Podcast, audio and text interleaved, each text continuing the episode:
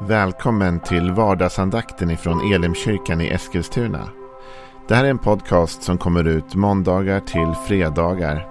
Om du vill veta mer om vilka vi är, vad vi tror på, hur du kan komma i kontakt med oss eller vad vi kan erbjuda dig för någonting så gå in på www.elimkyrkan.com. Får jättegärna gå in och likea vår Facebook-sida.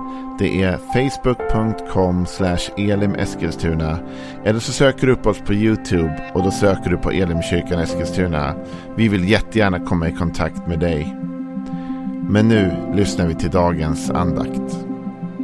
Välkommen till eh, vardagsandakten. Vad roligt att du är med oss idag och det menar jag verkligen. Det är jättekul att se hur lyssnarantalet har ökat och eh, spridit sig över hela Sverige och även internationellt. Jätteroligt att du tar tid. För vi tror att det är viktigt att varje dag stanna upp inför Guds ord och fundera lite grann kring vad kan det här ordet säga mig idag? Finns det någonting här som jag kan lära av, eh, som jag kan växa med? Och att lära av, det är just det den här salmen handlar om, psalm 42. För det är en vishetssalm. Det fanns olika salmer skrivna med olika ändamål, olika syfte. Vishetssalmerna är såklart skrivna med syftet att förmedla vishet eller kunskap till oss. Och den här vishetssalmen den handlar om vår själs oroliga, ängsliga längtan efter Gud. När vi inte riktigt mår bra på insidan och vi söker efter Gud. Vi söker efter hans ledning, väg och hjälp och så vidare. Och nu har vi kommit ner till eh, slutet av den. Vi har två gånger kvar. Och i den tionde och den elfte versen ska vi stanna upp idag. Och då står det så här. Jag vill säga till min Gud, min klippa. Varför har du glömt mig? Varför måste jag gå sörjande, trängd av fiender? Det är som att man krossar mina ben när mina fiender hånar mig och ständigt frågar mig Var är din Gud? Jag vill säga till min Gud, min klippa. Varför har du glömt mig? Det här är den oro som han bär i sin själ. Varför han måste gå sörjande, gå trängd av fiender. Vi förstår ju av den här salmen att det är en person som inte mår bra just nu. Som har mycket ångest, mycket oro. Som funderar över var Gud är mitt i allt detta. Och jag vill stanna upp ändå lite grann kring det här samtalet som han för eller inte för. Det är oklart. Han säger jag vill säga till min Gud. Eller till Gud. Frågan är om han gör det eller inte. Han säger jag vill. Men det kan ju vara så att han ändå drog sig. Va? Det kan finnas skäl till att vi inte alltid säger det vi tänker. Jag skulle vilja säga. Du vet. Men jag vill säga till Gud min klippa, varför har du glömt mig? Varför måste jag gå sörjande, trängd av fiender? En del skulle kanske se att det där var, nej men du vet så kan du inte säga till Gud. Du kan inte ha sådana samtal med Gud. Utan eh, du måste bara lita på Gud och lägg undan den där oron, lägg undan de där frågorna. Utan nu ska du gå i tro. Och om du känner mig eller har träffat mig en gång så vet du att jag är verkligen en, en trosmänniska. Jag älskar att gå i tro. Jag älskar att stå i tro. Jag älskar att tala tro. Jag älskar att leva ett liv i tro. Men jag tror ändå att vi inte ska backa undan från sådana här samtal. Och jag tror med Gud. Och jag tror att det ena inte utesluter det andra. För på samma gång som det uttrycks frågor och funderingar här så fastställs det också stark tro. Till exempel så säger han, jag vill säga till min Gud, eller till Gud, min klippa. Så å ena sidan så säger han, och jag undrar här varför Gud har glömt mig. Varför jag måste gå sörjande, varför jag upplever att jag är trängd av fiender. Men å andra sidan uttrycker han att Gud fortfarande är hans klippa. Det är inte så att han har övergett Gud. Eller att han upplever att Gud egentligen har övergett honom. Gud är fortsatt hans klippa. Men han har frågor. Och så där kan det vara för dig och mig med. Det att du och jag undrar över saker. Hur kommer det sig att jag känner mig så här just nu? Hur kommer det sig att livet ser ut så här just nu? Och att vi tar de frågorna till Gud. Det innebär inte att vi har övergett honom. Och det innebär inte att vi ifrågasätter honom som Gud. Eller som vår klippa. Det innebär bara att vi inte får ihop vår värld just nu. Jag fattar inte varför jag måste gå igenom det här. Jag fattar inte varför min dag ser ut så här eller mitt liv är så här. Och jag behöver få fråga dig Gud, hur har jag hamnat här egentligen? Den typen av frågor, den typen av samtal, tror jag att vi ska försöka uppmuntra varandra att ha med Gud. Och han uppmuntrar faktiskt oss till sådana samtal. Det finns eh, framförallt i Jesaja, profeten Jesajas bok. Så hittar vi vid upprepade tillfällen att Gud faktiskt uppmuntrar profeten till att samtala med honom om sånt som kan vara svårt. I Jesaja 1 och vers 18 till exempel, till exempel så står det så här. Kom, låt oss gå till rätta med varandra, säger Herren. Om era synder är blodröda ska de bli snövita och om de är röda som scharlakan ska de bli vita som ull. Om ni är villiga och lyssnar ska ni få äta landets goda. Men om ni vägrar och trotsar ska ni förtäras av svärd för Herrens mun har talat. Men det börjar med detta. Kom, låt oss gå till rätta med varandra. Det här är ju en inbjudan till samtal. Kom, låt oss göra upp. Kom, låt oss reda ut det här nu tillsammans. Och ibland så tror jag att Gud uppmuntrar dig och mig till det typen av samtal. Istället för att gå och gruva på saker. Istället för att gå och bära på sådana här frågor som kanske förtär din själ och gör din själ orolig som vi har talat om i den här salmen. Så ta de här samtalen med Gud. Han uppmuntrar oss att gå till rätta med varandra. I det så innebär det i och för sig också att Gud kan gå till rätta med oss. Om vi säger Gud nu måste jag få prata med dig om hur jag uppfattar mitt liv just nu. Och så lägger vi ut hur vi uppfattar det och var vi kanske tycker att det finns orättvisor eller svårigheter och så vidare. Då ger vi också honom chansen att kontra det och säga men Joel, det kanske inte är så illa som du tycker.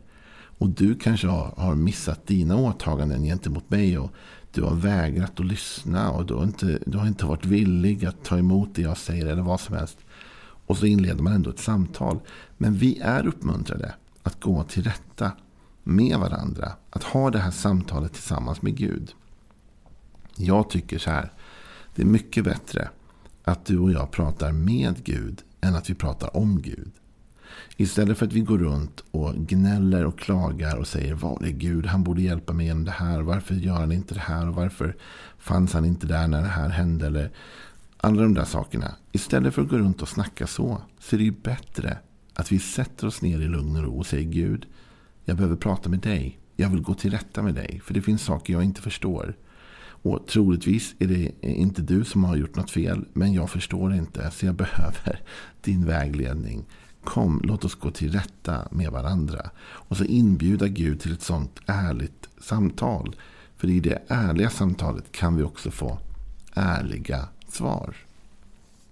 Faktum är att det finns en, en annan vers eh, i Bibeln som jag tycker är ännu mer på ett sätt provocerande. Och det är också ur Jesaja och det är Jesaja kapitel 43. För där kommer en uppmaning från Gud som är oerhört kraftfull. Eh, och som, ja, som jag i alla fall har svårt att leva ut ska jag vara ärlig och säga. Jag tycker att det här känns som att det tar emot. Ändå är det Gud som uppmanar mig till detta. I Jesaja 43 vers 26 så står det så här. I, och nu läser jag Bibel 2000 för jag tycker att den har en så bra översättning av detta. Stäm mig. Låt oss processa. För din talan så att du får rätt. Din stamfader syndare, dina talesmän satte sig upp mot mig. Därför förnedrade jag de heliga furstarna, lät Jakob vigas åt förintelse, lät Israel skymfas och så vidare. Så fortsätter samtalet. Men lyssna på den här versen. Stäm mig. Låt oss processa. Det här är vad Gud inbjuder Jesaja till. Stäm mig då. Säg att jag har gjort fel. Låt oss processa med varandra. För din talan så att du får rätt. Så Gud är inte så rädd som vi är för ett samtal. Vi kanske tänker att oh, man kan inte prata med Gud om sådana saker. Eller oh, man får inte ifrågasätta.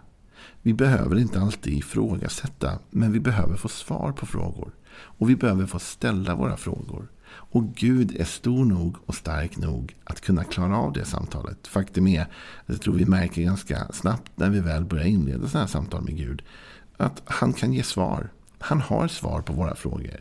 Han är inte, oute, han är inte liksom eh, orustad för att svara. Tvärtom, han vet precis vad själen är och han kan ge dig och mig svar. Men vågar vi ta en sån inställning att vi till och med stämmer Gud, processar med Gud. Går in i en tid då vi för vår talan och säger Gud, det här är inte rätt. När jag tänker på det så tänker jag på ett samtal mellan Abraham och Gud som är så modigt så jag har aldrig vågat ha så modiga samtal med Gud.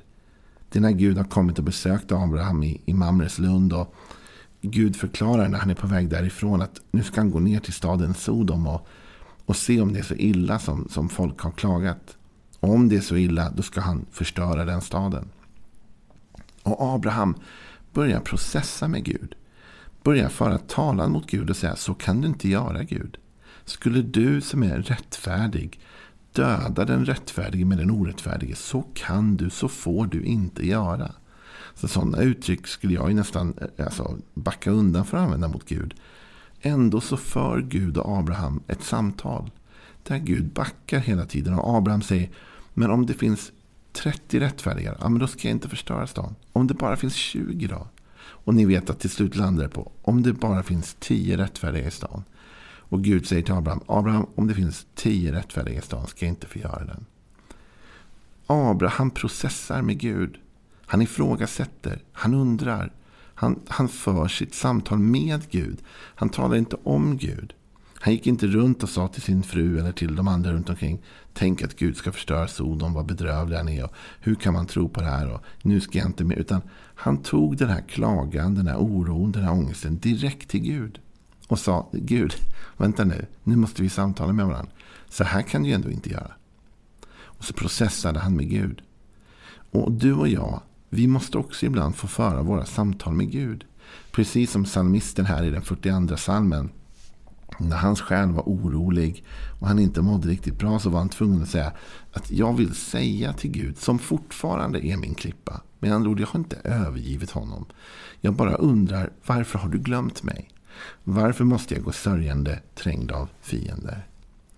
Och nu är ju grejen den att i det samtalet med Gud så tror jag att Gud säkert upplyste den här psalmisten om att du har både rätt och fel.